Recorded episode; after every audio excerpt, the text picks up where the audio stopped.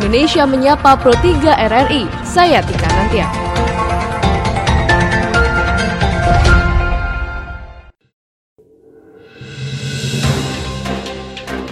Dari Medan Merdeka Barat 45 Jakarta, inilah Radio Republik Indonesia dengan Warta Berita. Bersama saya Tika Nantia. Sari Berita, pemerintah Indonesia tidak akan mengintervensi vonis terhadap Reinhard Sinaga. Presiden Joko Widodo meminta pelaku penambangan liar dan perusakan hutan di Kabupaten Lebak dan Kabupaten Bogor diberi tindakan tegas. Inilah Warta Berita selengkapnya. Pemerintah tidak akan mengintervensi vonis pengadilan hukuman seumur hidup terhadap kasus pelecehan seksual puluhan pria yang dilakukan oleh WNI yang bermukim di Inggris, Reinhard Sinaga. Selengkapnya akan dilaporkan Sugandi Avandi.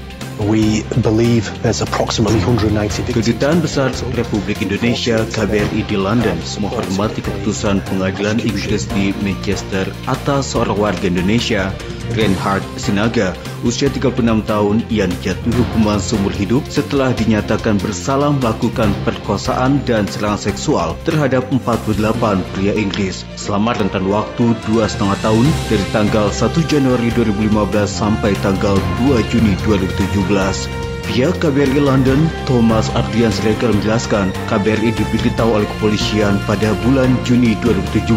Sejak itu, pihak KBRI melakukan pendampingan selama persidangan berlangsung hingga vonis dijatuhkan pada bulan Januari 2020. Melalui pendampingan, KBRI memastikan WNI yang tersandung hukum mendapatkan perlakuan adil. Hanya saja KBRI tidak dapat mengintervensi dan menghormati hukum yang berlaku di Inggris. Penegasan itu disampaikan oleh Thomas dalam perbincangan bersama Pro 3 RRI. Intinya kita tetap menghormati proses hukum yang berlaku ya.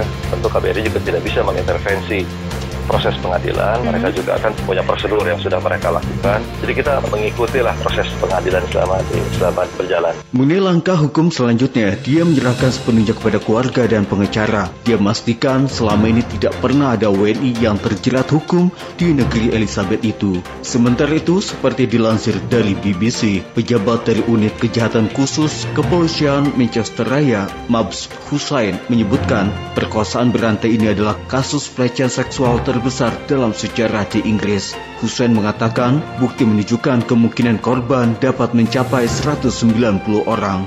His offending we suspect has taken place over a Kami yakin perbuatan tersangka telah berlangsung lebih dari 10 tahun. Kami perkirakan jumlah korban lebih dari 190 orang, di mana 48-nya sudah teridentifikasi, sedangkan lebih dari 70 orang lainnya belum teridentifikasi.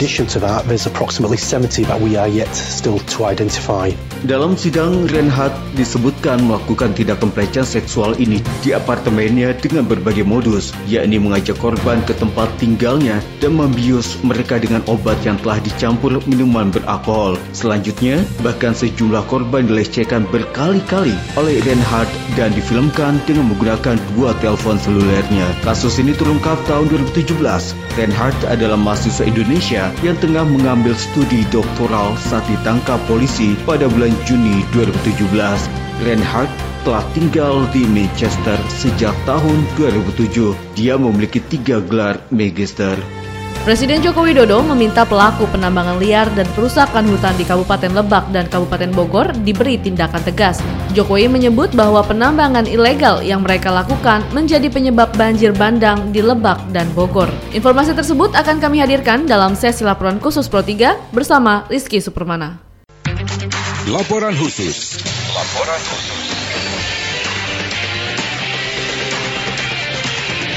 Laporan khusus menambang emas secara ilegal. Tadi saya sudah sampaikan Pak Gub, eh, Bupati agar ini dihentikan. Presiden Joko Widodo kemarin meninjau lokasi dan juga warga terdampak banjir bandang di Kabupaten Lebak, Provinsi Banten. Presiden Jokowi mengatakan sejumlah penyebab banjir bandang adalah akibat perambahan hutan dan penambangan emas secara ilegal. Jokowi meminta Gubernur Banten dan Bupati Lebak untuk menghentikan kedua aktivitas perambahan hutan dan penambangan ilegal di Kabupaten Lebak. Berdasarkan laporan yang diterima Presiden Jokowi, ada setidaknya 30 jembatan penting yang menghubungkan antar desa yang perlu segera diperbaiki karena rusak akibat banjir bandang di Kabupaten Lebak. Presiden Jokowi juga memerintahkan Kementerian Pekerjaan Umum dan Perumahan Rakyat untuk mengatasi kerusakan jembatan tersebut. Menambang emas secara ilegal. Tadi saya sudah sampaikan Pak Gub, ke Bupati agar ini dihentikan. Nggak bisa lagi karena keuntungan satu dua tiga orang, kemudian ribuan yang lainnya dirugikan dengan adanya banjir bandang ini. Tadi dilaporkan ada 30 jembatan uh, penting yang menghubungkan antar desa, antar wilayah ini agar minta segera untuk bisa diselesaikan. Tadi saya sudah perintah ke Menteri PU agar dalam uh, tiga empat bulan itu, semuanya sudah bisa. Presiden Jokowi menegaskan pihaknya tidak dapat lagi membiarkan kerusakan lingkungan karena keuntungan segelintir orang merugikan ribuan warga yang lain dalam bencana tanah longsor di Kabupaten Bogor, Provinsi Jawa Barat. Jokowi menyebut saat memantau daerah terdampak longsor dengan helikopter, terdapat ratusan kawasan longsor di Kecamatan Sukajaya, Kabupaten Bogor. Kerusakan lingkungan tersebut akibat penebakan hutan yang menambang emas secara ilegal.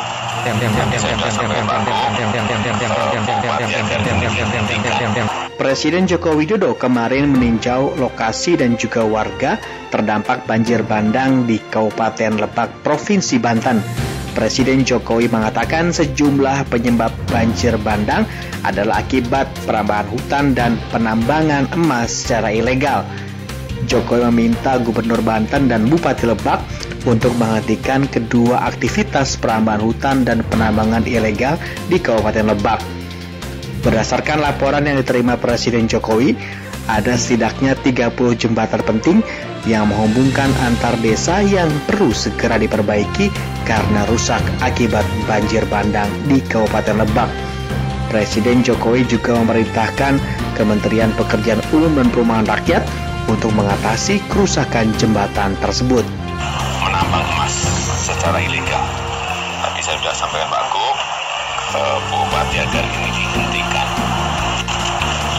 Bisa lagi karena keuntungan satu dua tiga orang, kemudian ribuan yang lainnya dirugikan dengan adanya banjir bandang ini.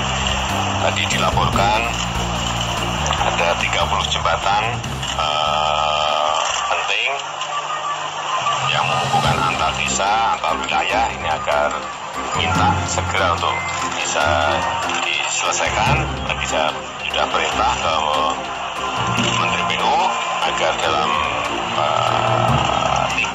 bulan itu, semuanya sudah bisa. Presiden Jokowi menegaskan pihaknya tidak dapat lagi membiarkan kerusakan lingkungan karena keuntungan segelintir orang merugikan ribuan warga yang lain dalam bencana tanah longsor di Kabupaten Bogor, Provinsi Jawa Barat.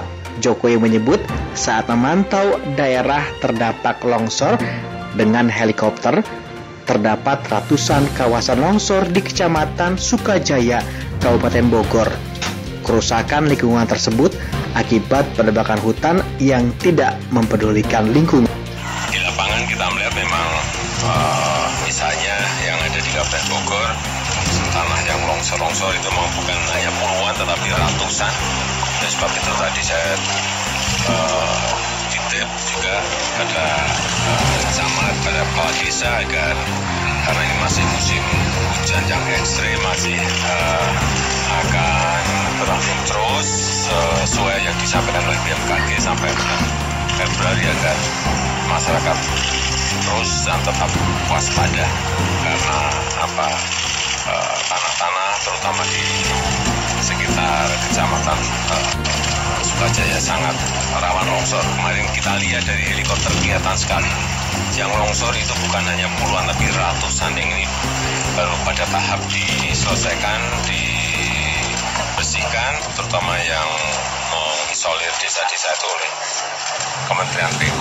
Badan Nasional Penanggulangan Bencana BNPB mencatat hingga kemarin jumlah korban meninggal dunia akibat longsor dan banjir bandang di Kabupaten Bogor mencapai 11 orang meninggal dunia. Daerah terdampak banjir bandang dan longsor meliputi pada 47 desa di 24 kecamatan dengan lebih dari 4.000 jiwa mengungsi di mana ratusan rumah mengalami rusak sedang hingga rusak parah. Sementara jumlah korban meninggal dunia akibat banjir bandang di Kabupaten Lebak mencapai 10 orang meninggal dunia daerah terdampak banjir bandang dan juga longsor meliputi 30 desa dan 6 kecamatan dengan lebih dari 6.000 jiwa mengungsi di mana ribuan rumah mengalami rusak sedang hingga rusak parah. Di lapangan kita melihat memang uh, misalnya yang ada di Kabupaten Bogor tanah yang longsor-longsor itu bukan hanya puluhan tetapi ratusan. Sekian Warta Berita Produksi Radio Republik Indonesia. Pendengar ungkapan dari Presiden Joko Widodo terkait dengan banjir bandang yang terjadi di kawasan Lebak, Banten menjadi sorotan utama kami dalam komentar pada pagi hari ini yang disusun dan disampaikan oleh redaktur senior Pro 3 Widi Kurniawan berikut ini.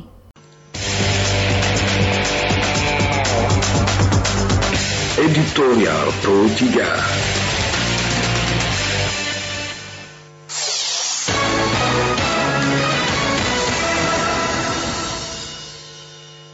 Selamat pagi pendengar.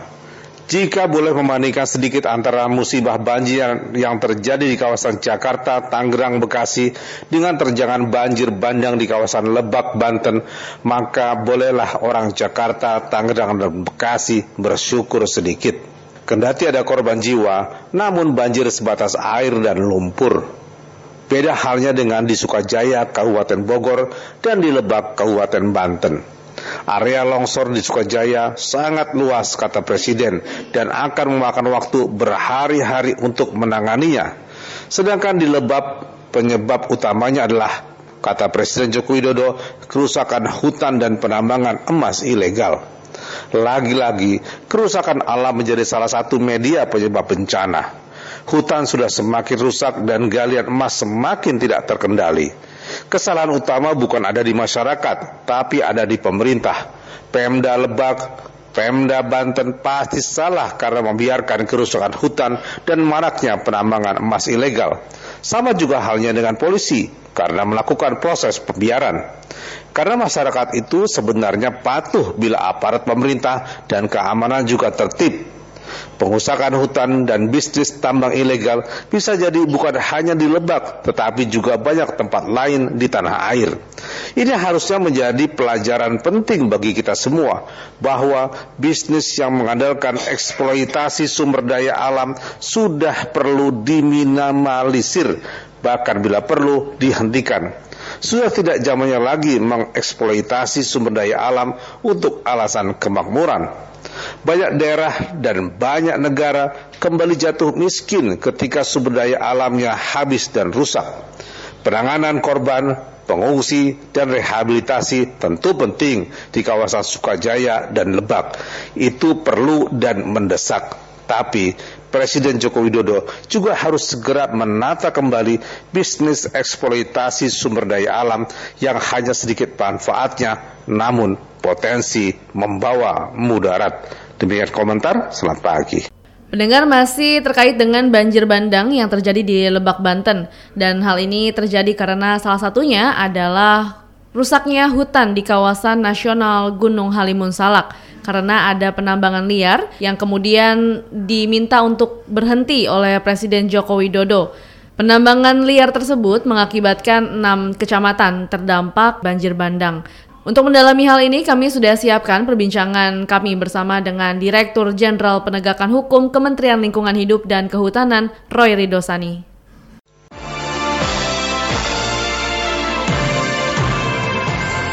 Pak Roy, selamat pagi. Selamat pagi Mas Arga dan Mas Fadli. Ya. Terkait banjir bandang dan jika longsor di sejumlah wilayah ini Pak, kajian Kementerian Lingkungan Hidup dan Kehutanan terkait longsor dan banjir bandang di Lebak utamanya dan Sukajaya, apa ini? Ya, uh, faktornya Pak. Ya, ya kalau kita bisa melihat ya beberapa faktor penyebab banjir yang saat terjadi saat sekarang ini, ya kami melihat ada paling tidak ada lima faktor yang harus menjadi perhatian kita. Pertama, kita bisa melihat memang adanya persoalan-persoalan kerusakan lingkungan di daerah hulu, masuk yang disampaikan adalah di Taman Nasional Gunung Halimun Salak. Kemudian juga kami melihat juga adanya penurunan daya tampung ataupun kapasitas hidrolika dari eh, badan-badan uh, air yang ada. Itu baik itu uh, sungai, situ maupun rawa kita. Kemudian juga ada persoalan land subsidence ya penurunan tanah yang terjadi di beberapa lokasi. Dan juga adanya tingginya curah hujan ya. Kita bisa melihat saat ini terjadi peningkatan risiko dari perubahan iklim jadi ini persoalan-persoalan yang menurut kami harus menjadi perhatian kita semua. Lalu apa yang kita lakukan, yang kami lakukan berkaitan dengan persoalan-persoalan kerusakan-kerusakan di daerah uh, uh, hulu maupun daerah-daerah kawasan hutan terkait dengan aktivitas-aktivitas uh, pertambangan ini.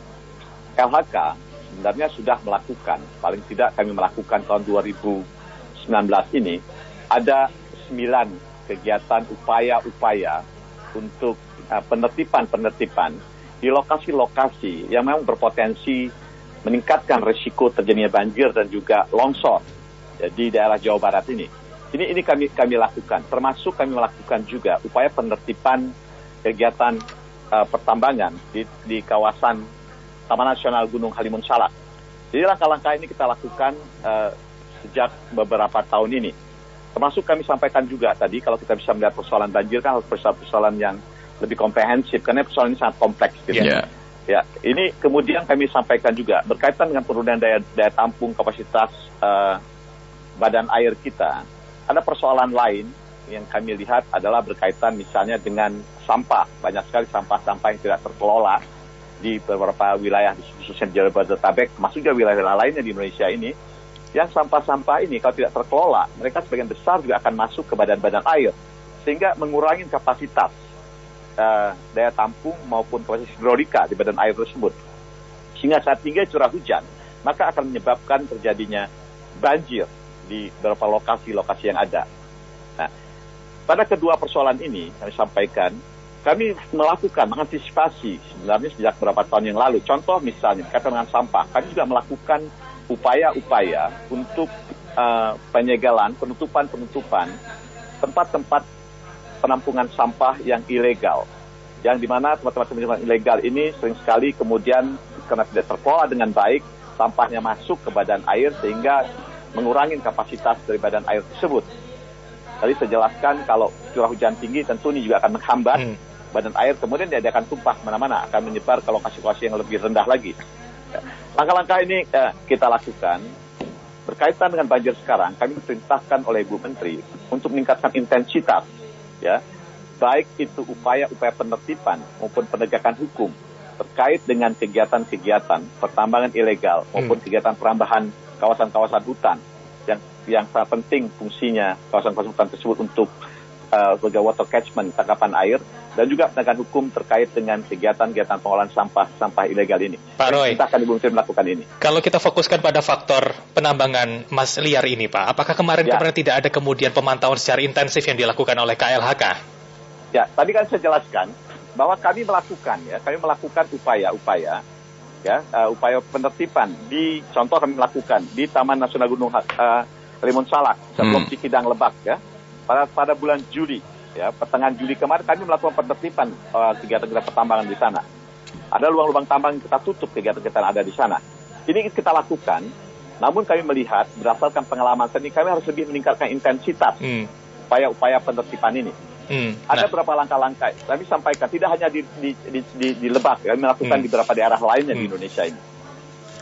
Berkaitan kegiatan tambang sendiri, ya, kegiatan penambangan sendiri, kami melakukan upaya upaya-upaya penegakan hukum dan penertiban uh, kegiatan-kegiatan pertambangan ini. Ini ya, di seluruh Indonesia ada 72 kasus yang kami tangani kegiatan pertambangan ilegal ini yang karena berpotensi menyebabkan banjir maupun menyebabkan persoalan-persoalan lingkungan lainnya di Indonesia. Ada 72 yang kami tanganin.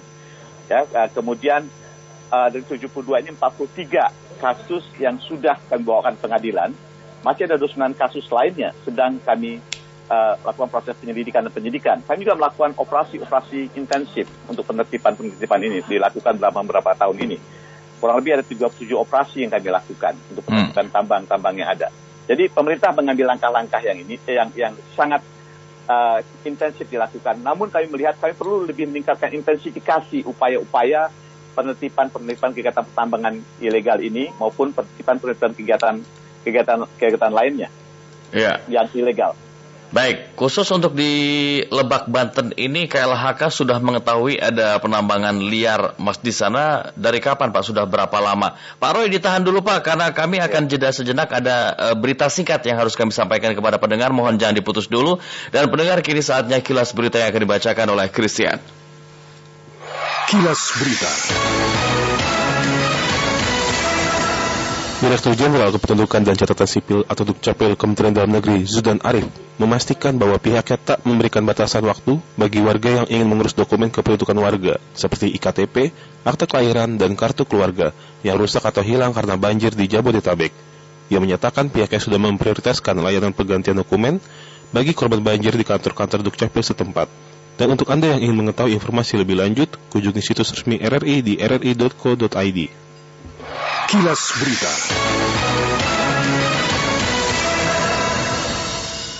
Baik, Pak Roy masih bersama kami. Ya. ya, Pak Roy tadi kan ya. sudah ada banyak sekali tindakan dan sudah dibawa ke jalur hukum bagaimana pembalakan liar, penambangan liar dan lain sebagainya. Nah, khusus untuk di Lebak ini sejak kapan Pak KLHK mulai mengetahui apakah uh, sudah cukup lama ini terjadi, kemudian KLHK juga sudah tahu, kemudian sudah ada upaya, namun tetap memang e, belum berhasil menghentikan penambangan liar ini secara maksimal. Ya, kami sampaikan ya, sejak tahun kemarin kan kami sudah melakukan upaya-upaya yang ada, namun kami akan lebih meningkatkan lagi intensitas upaya-upaya penertiban di eh, kawasan-kawasan Taman Nasional Gunung Haliman Salak ini. Ada beberapa langkah yang saat ini sedang kita lakukan untuk upaya penertiban ini ya kita juga melakukan sebagai contoh adalah upaya untuk uh, penataan kembali zonasi yang ada zonasi di kawasan-kawasan ini uh, agar pengolahannya akan lebih baik. Ini sedang di, disiapkan oleh uh, Kepala Taman Nasional Gunung Halimun Salak. Ya. Di mana nanti dalam proses penertiban tentu kita harapkan juga agar masyarakat yang ada tidak kembali lagi untuk menambang, kita akan lakukan pengolahan bersama yang ada di sana, ya khususnya pada zona-zona yang dapat dimanfaatkan untuk kegiatan agroforestry. Jadi tadi mereka menambang, sekarang kita lakukan upaya-upaya untuk pelibatan mereka di dalam pengolahan kawasan tersebut, khususnya berkaitan dengan kegiatan kita agroforestry. Jadi langkah-langkah akan dilakukan. Jadi ada langkah-langkah yang bersifat soft. Kita lakukan penertiban, hmm. kemudian kita lakukan alih eh, pekerjaan kepada masyarakat yang ada di sana dengan lebih uh, uh, bersifat berkelanjutan karena mereka bisa memanfaatkan uh, upaya apa lokasi-lokasi yang ada di sekitar agroforestry dan juga kami juga akan melakukan upaya-upaya uh, penegakan hukum apabila upaya-upaya ini belum begitu efektif. Jadi kita lakukan kombinasi di dalam uh, proses-proses pengolahan lebih lanjut Taman Nasional Gunung Halimun Salak ini. Memang tindakan hukumnya seperti apa Pak? Atau sanksi hukumnya ya. kepada para penambang liar ini? Ya, sanksi hukumnya itu sangat berat ya penambangan-penambangan ini karena itu proses perusakan lingkungan. Ini ancaman hukuman itu kita bisa gunakan. Uh, pertama adalah uh, undang-undang uh, lingkungan hidup ya dengan ancaman hukuman bisa mencapai 15 tahun dan juga denda 15 miliar dan juga kita juga gunakan undang-undang pencegahan dan perbatasan perusakan hutan yang yang di mana ancaman hukuman juga sangat berat. Jadi ini bisa kita bisa lakukan kombinasi ya uh, kita menggunakan undang-undang uh, uh, pelindungan dan pengelolaan hidup dan juga undang-undang pencegahan perusakan kawasan hutan. Di samping itu kami sampaikan bahwa penegakan hukum ini merupakan salah satu instrumen yang akan kita gunakan bersama-sama dengan upaya-upaya penertiban dan juga penguatan uh, pengolahan kawasan ini dengan melibatkan masyarakat yang ada di sana melalui kegiatan agroforestry. Jadi ada kombinasi pendekatan yang soft dan juga pendekatan yang hard hmm. yang hmm. harus kita lakukan. Oke, okay.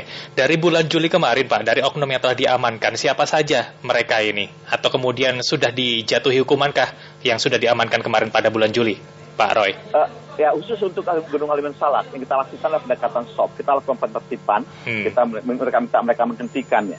Ya, melihat dengan kondisi yang ada sekarang kita akan lebih meningkatkan intensitas ya khusus gunung khusus untuk kegiatan di Taman Nasional Gunung Haliman Salak ya kita lakukan tingkat eh, kita lakukan tingkat intensitas upaya-upaya penegakan hukum ada di sana ya namun saya jelaskan tadi untuk beberapa kasus lainnya penegakan hukum kami lakukan uh, ya kita lakukan pendekatan sangat keras gitu tadi saya jelaskan ada 72 uh, upaya penegakan hukum kita lakukan terkait dengan kegiatan pertambangan ilegal ini, hmm. di mana ada 43 yang sudah memasuki uh, ada proses di pengadilan, ada yang sudah di, di apa diputuskan. Kemudian juga ada yang masih berproses melalui proses penyelidikan penyidikan kami lakukan. Dan kami juga terus melakukan operasi-operasi pengamanan kawasan-kawasan yang menurut kami penting untuk dilindungi. Hmm. Uh, karena apa? Kalau tidak dilindungi ini akan meningkatkan uh, apa nama resiko terjadinya longsor, banjir, dan juga akhirnya tidak yeah. hanya merusak lingkungan, tapi membahayakan kesehatan, uh, hmm. membahayakan keselamatan masyarakat hmm. juga. Di mana saja itu, Pak? Ya, kami lakukan itu di seluruh Indonesia, Pak, ininya kegiatan-kegiatan kita lakukan. Termasuk tadi di Jawa Barat kita lakukan, ya di Jawa Barat dan Banten ini ada ada 11 operasi yang kita lakukan ya, hmm. pada beberapa waktu ini. Kemudian juga kita melakukan penegakan hukum di Sumatera, di, di Riau, di Bangka Belitung, kemudian juga di Kalimantan, di Sulawesi, ya kita lakukan upaya-upaya penegakan hukum ini pada daerah-daerah yang memang uh, berpotensi untuk uh, terjadinya risiko-risiko uh, peningkatan risiko-risiko lingkungan, uh, khususnya banjir maupun erosi akibat uh, kegiatan pertambangan ini. Baik, Pak, tentunya dalam melakukan tindakan hukum uh, juga memberantas mafia-mafia pembalakan uh, ilegal, kemudian juga penambangan liar dan sebagainya. Ini kan mereka juga punya punya apa ya, punya power, punya kekuatan, punya uang. Nah, apa kendala dari KLHK terutama dalam penegakan hukum dalam menghadapi pihak-pihak yang melakukan penambangan liar dan lain sebagainya, Pak? Ya, uh, kami sampaikan bahwa sejauh ini selama empat tahun direktur penegakan hukum ini, ya kami sudah melakukan sebenarnya operasi-operasi penegakan hukum berkaitan dengan kejahatan kehutanan ini sekitar 1.200 operasi di seluruh Indonesia dan kami sudah membawa kasus ke pengadilan ini uh, kurang lebih 766 700 juga kami melakukan gugatan gugatan perdata. Ya. Nah, ini ini artinya kami melakukan itu sangat intensif kita lakukan. Tantangan selalu ada ya. Seringkali mm -hmm. karena ada perlawanan-perlawanan mm, yang dilakukan beberapa pihak terhadap kami. Tapi kami sampaikan, kami terus melakukan secara intensif untuk itu. Banyak kasus-kasus yang kami tangani. Kami contoh, misal, kami menangani kasus illegal logging yang berasal dari Papua dan Maluku. Ya, pada hmm. tahun kemarin, tahun 2019. Ada 450 lebih kontainer kayu ya, ilegal, merbau, yang kami lakukan penegakan hukum.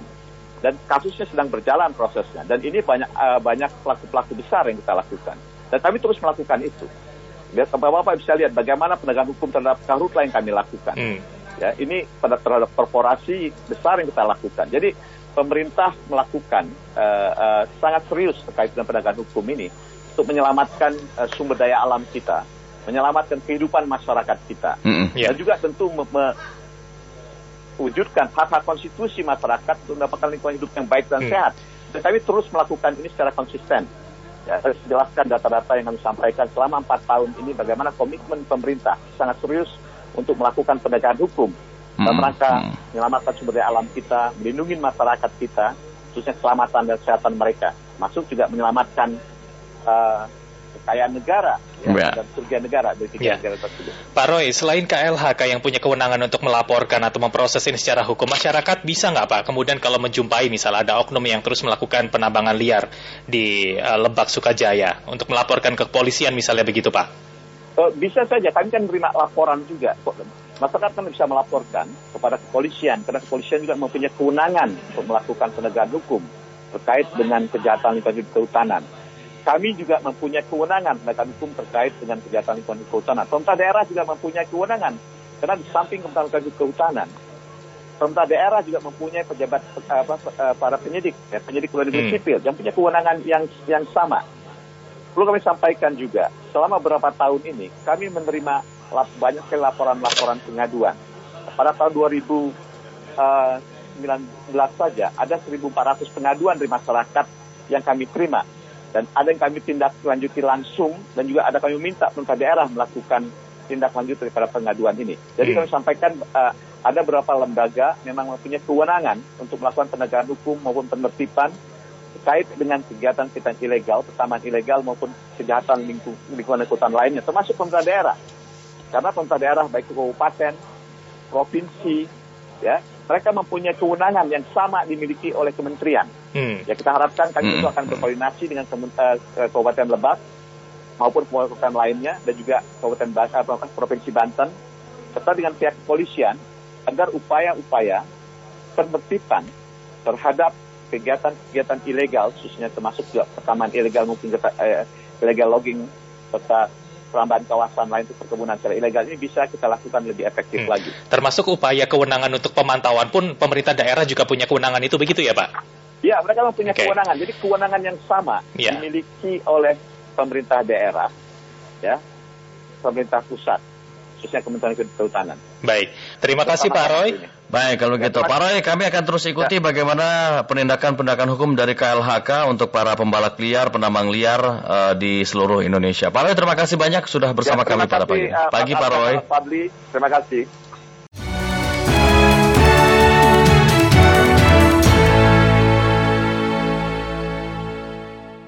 Pendengar informasi tadi sekaligus mengakhiri perjumpaan kita pada podcast edisi hari ini untuk Indonesia Menyapa Pro 3 RRI Produksi Radio Republik Indonesia. Saya Tika Nantia undur diri, sampai jumpa, salam.